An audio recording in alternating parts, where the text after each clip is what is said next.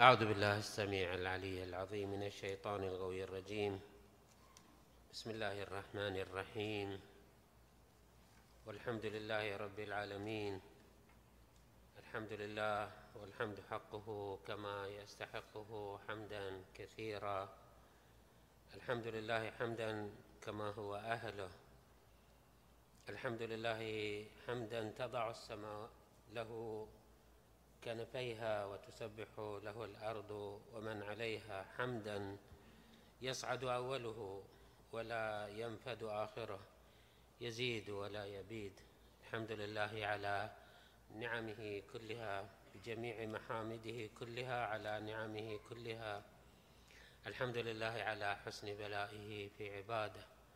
وصلى الله على محمد سيد المرسلين وخاتم النبيين. وحجة رب العالمين المنتجب في الميثاق والمصطفى في الظلال المطهر من كل آفة البري من كل عيب المؤمل للنجاة والمرتجى للشفاعة المفوض إليه دين الله. اللهم شرف بنيانه وعظم برهانه. وافلج حجته وارفع درجته. اللهم اضأ نوره وبيض وجهه وأعطه الفضل والفضيلة والدرجة والوسيلة. وابعثه اللهم مقاما محمودا يغبطه به الأولون والآخرون. اللهم صل على محمد وآل محمد الأوصياء الراضين المرضيين بأفضل صلواتك وبارك عليهم بأفضل بركاتك. والسلام عليه وعليهم وعلى أرواحهم وأجسادهم ورحمة الله وبركاته. ثم السلام عليكم أيها المؤمنون جميعا ورحمة الله وبركاته. قال عز من قال في محكم كتابه الكريم بسم الله الرحمن الرحيم. إنا لننصر رسلنا إنا لننصر رسلنا والذين آمنوا في الحياة الدنيا ويوم يقوم الأشهاد يوم لا ينفع الظالمين معذرتهم ولهم اللعنة ولهم سوء الدار. ولقد آتينا موسى الهدى وأورثنا بني إسرائيل الكتاب صدق الله العلي العظيم. من سنن الله ونعمه على عباده أن أوجد هذا الوجود في ضمن قواعد ومناهج وجريانات حاكمة لا تختلف ولا تتخلف. الله سبحانه وتعالى أوجد هذا الكون في ضمن منظومة حكيمة رحيمة آه، هادفة تدفع بالإنسان دفعا إلى مدارج الكمال والرقي والرفعة. لم لم يوجده عبثا ولا باطلا. أوجدنا في هذا الكون لكي نجسد الجمال الإلهي والبهاء الإلهي لكي تتجلى فينا الرحمة الإلهية والعطف الإلهي واللطف الإلهي والحكمة الإلهية والإبداع الإلهي. بمعنى أنه كل ما في هذا الكون هو آية من آيات الله ولكن الإنسان هو درة تاج هذا الخلق درة تاج هذا الوجود. ولكن لكي يبلغ الوجود كماله ولكي يصل الإنسان إلى تحقيق هذا الهدف الإلهي يجب أن يعبر مجرا كدحا وصعبا في هذا الكون. يقول الله عز وجل أم حسبتم أن تدخلوا الجنة؟ دخول الجنة إنما يتحقق بأن نبلغ هذه المراتب. الآن دخول الجنة ليس إلا نتيجة من نتائج هذا الكمال. والصنعة الإلهية. أحسبتم أن تدخلوا الجنة ولما يأتكم مثل الذين خلوا من قبلكم؟ إذا هذا المجرى هو حاكم على كل بني البشر عالمنا وما قبلنا وما بعدنا. ولما يأتكم مثل الذين خلوا من قبلكم مستهم البأساء والضراء وزلزلوا. إذا يجب أن نعبر هذه المراحل من الابتلاءات والصعوبات التي يسميها القرآن هنا زلزلة. زلزلة أي تهز الوجدان. صعوبات صعوبات تغور إلى أعماق الوجدان لا أنها تمس الجلد ولا العظم وإنما تربك الروح والقلب. أفح... ول... نعم. أفحسبتم أن تدخلوا الجنة ولما يأتكم مثل الذين خلوا من قبلكم؟ هذا المثل ما هو؟ هذه القاعدة ما هي؟ مستهم البأساء والضراء وزلزلوا. حتى يقول الرسول والذين آمنوا معه نصر متى والذين معه متى نصر الله؟ أي تتشوف أرواحهم وتطلع أرواحهم إلى حالة من الفرج حالة من النصر حالة من الفتح. آية أخرى يقول الله عز وجل في كتابه الكريم إن لنن يقول الله عز وجل في محكم كتابه الكريم بسم الله الرحمن الرحيم أفحسبتم أنما خلقناكم عبثا وأنكم إلينا لا ترجعون أي أن هذه الخلقة لم تكن باطلا ولا عبثا ولا لهوا وإنما هي حكمة إلهية. وجود الإنسان في هذه المرحلة لا يترك عبثا لا يترك لهوا لا يترك لاهيا وإنما يصاغ ويصنع ويقحم في مسار لابد أن تمر عليه هذه المرحلة تصنعه وتحول من هذا الموجود الهاش اللين إلى موجود مؤمن إلى موجود قوي إلى موجود محكم إلى صنعة إلهية حكيمة. نعم في هذه الصنعة كما كما هي كل المصانع تكون هناك فضلات كثيرة تكون هناك سقوط كثيرة ومن هنا نقول اللهم لا تبتلنا بما لا طاقة لنا به. بعض البلاءات البعض ينجح فيها فيتحول من موجود في مرتبة إلى موجود في غاية الكمال وفي غاية الرفعة وفي غاية السمو. وهذا هو الهدف الإلهي وهذه هي الصنعة الإلهية. ولكن عندما يتشبث الإنسان بالدنيا عندما يتمسك باللذائذ عندما يكون همه وقلبه هو في هذه الدنيا هنا لن يفهم حقيقة النصر الإلهي. لذا نقول الله جل وعلا يقول إنا لننصر رسلنا والذين آمنوا في الحياة الدنيا ويوم يقوم الأشهاد. ولعله هذا التساؤل يطرح أنه نحن لم نرى نصرا للمؤمنين ولأهل الحق في الحياة الدنيا في طوال تاريخ الإنسان. لاحظوا في أغلب حياة الإنسان أهل الكفر هم الذين تنبسط لهم أسباب الغلبة ويكون لهم اليد العليا. ولعله نحن شيعة الحسين عليه أفضل الصلاة والسلام لا تفوتنا هذه الواقعة أنه أين النصر الحسيني؟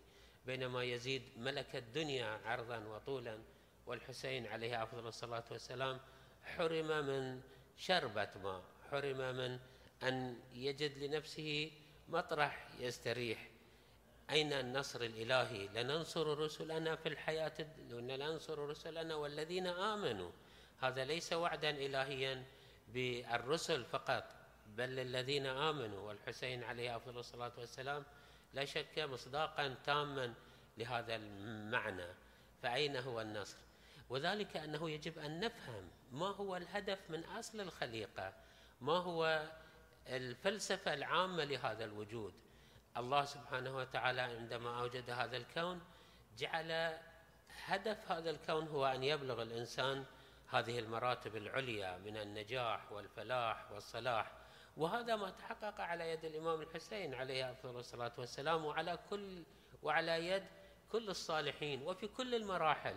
عندما يتشبث أهل الحق بقيمهم ومبادئهم عندما يتمسك أهل الفضيلة وأهل الحق وأهل نعم أصحاب الأرض وأصحاب الحق عندما يتشبثون بقيمهم ومبادئهم مهما تحولت الحياة من صعوبة ومن نعم مهما لابست هذه كما تعبر القرآن الكريم من بأساء وضراء وزلزلة بل أنه القرآن الكريم في بعض الموارد يعبر أنه يبلون بشيء من الخوف والجوع ونقص من الأموال والأنفس والثمرات. كل هذه الضغوط كل هذه الصعوبات كل هذه البلايا على ما فيها من مضض على ما فيها من ألم على ما فيها من مشقة على ما فيها من أوجاع إلا أنها في الحقيقة هي النصر هي الغلبة.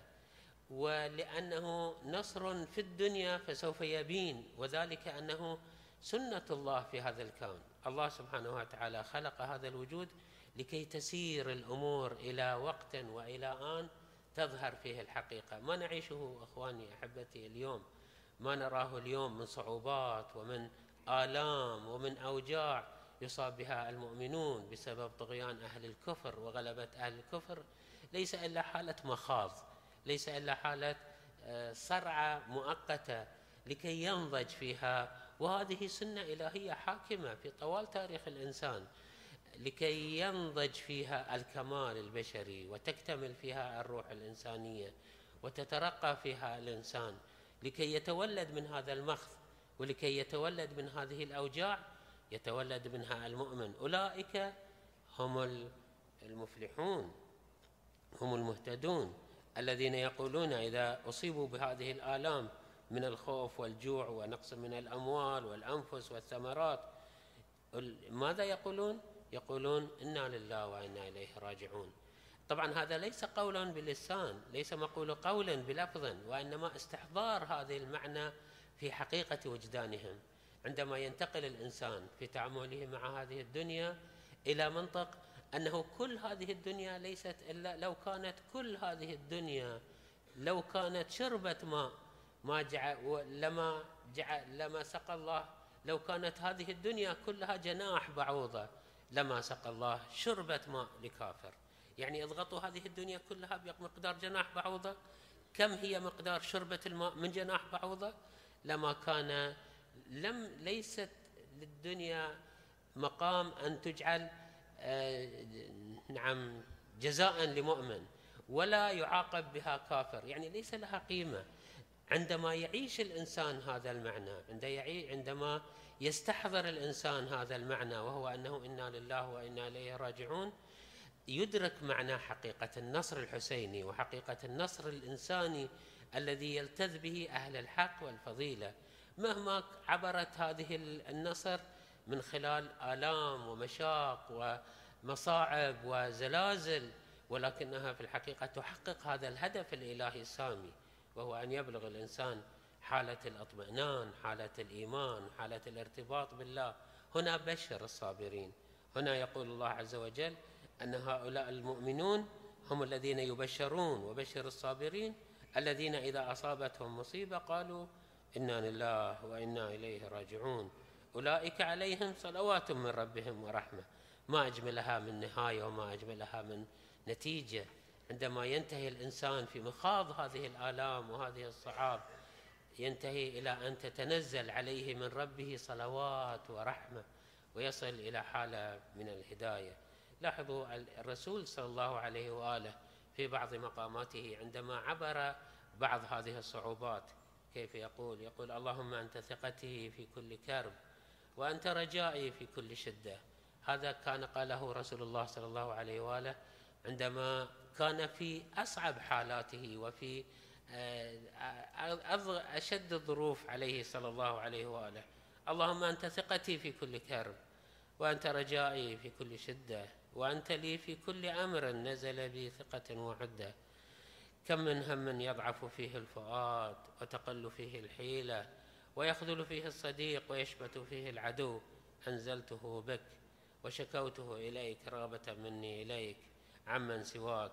ففرجته عني وكشفته وكفيته فأنت ولي كل نعمة وصاحب كل حسنة ومنتهى كل رغبة. هكذا أيضا يقول الإمام الحسين عليه أفضل الصلاة والسلام في يوم عاشوراء اللهم إليك أشكو ضعف قوتي وقلة حيلتي وهواني على الناس. يا أرحم الراحمين إلى من تكلني إلى عدو يتجهمني؟ أو إلى قريب ملكته, ملكته أمري؟ إن لم يكن سخطا علي فلا أبالي. يعني مهما أصبت من بلاءات وآلام كما أيضا ورد ورد عن الرسول صلى الله عليه وآله هذا المعنى إن لم يكن بك غضب علي فلا أبالي. يعني مهما تك نعم مهما تراكمت الأسباب ومهما ضغطت علي الضغوط إن لم يكن ذلك عن غضب منك فلا أبالي. طبعا هذا لا لا ليس معناه أنه لا ندعو الله برفع البلاء وإنما كما يقول هو صلى الله عليه وآله إن لم يكن بك علي لم يكن بك علي غضب فلا أبالي ولكن رحمتك أوسع لي. نحن نطلب السعة نطلب الرحمة نطلب الخير نطلب أن يدفع الله عنا وعن إخواننا كل سوء وكل بلاء. ولكن سوف نمضي في طريق الحق والفضيلة لأنه هو هذا النصر الذي وعد, وعد الله المؤمنين. به وأنه سوف يحققهم بأن يثبت أقدامهم وأن يبلغوا حالة القيم والمبادئ والحقيقة التي هي غرض هذا الوجود وهدف كل هذا الكون. عندما يثبت الإنسان وكما يقول علي بن أبي طالب عليه أفضل الصلاة والسلام حياتكم في موتكم قاهرين. بمعنى أنه حتى في حالة الموت ولكن عندما تكونون متمسكين بالفضيلة والحق وقاهرين أعداءكم. فهذه هي الحياة هي هذا النصر هو هذه الغلبة. حياتكم في موتكم قاهرين عندما تتشبثون بالقيم والمبادئ فإن هذا هو هي الحياة. نعم موتكم في حياتكم مقهورين. هذا ليس حياة هذا ليس إلا موت هذا ليس إلا مذلة هذا ليس إلا مهانة. أن تبقى حيا حسب الظاهر ولكنك مقهور مظلوم مضطهد مستسلم آه، منقاد لأسباب الظلم والاعتداء. نرجو من الله سبحانه وتعالى أن يلطف بنا وبجميع إخواننا في كل أقطار الأرض وأن ينظر إلينا نظرة رحمة وأن ينزل علينا نصره في الدنيا والآخرة. والحمد لله رب العالمين. وصلى الله على محمد وآل بيته الطيبين الطاهرين.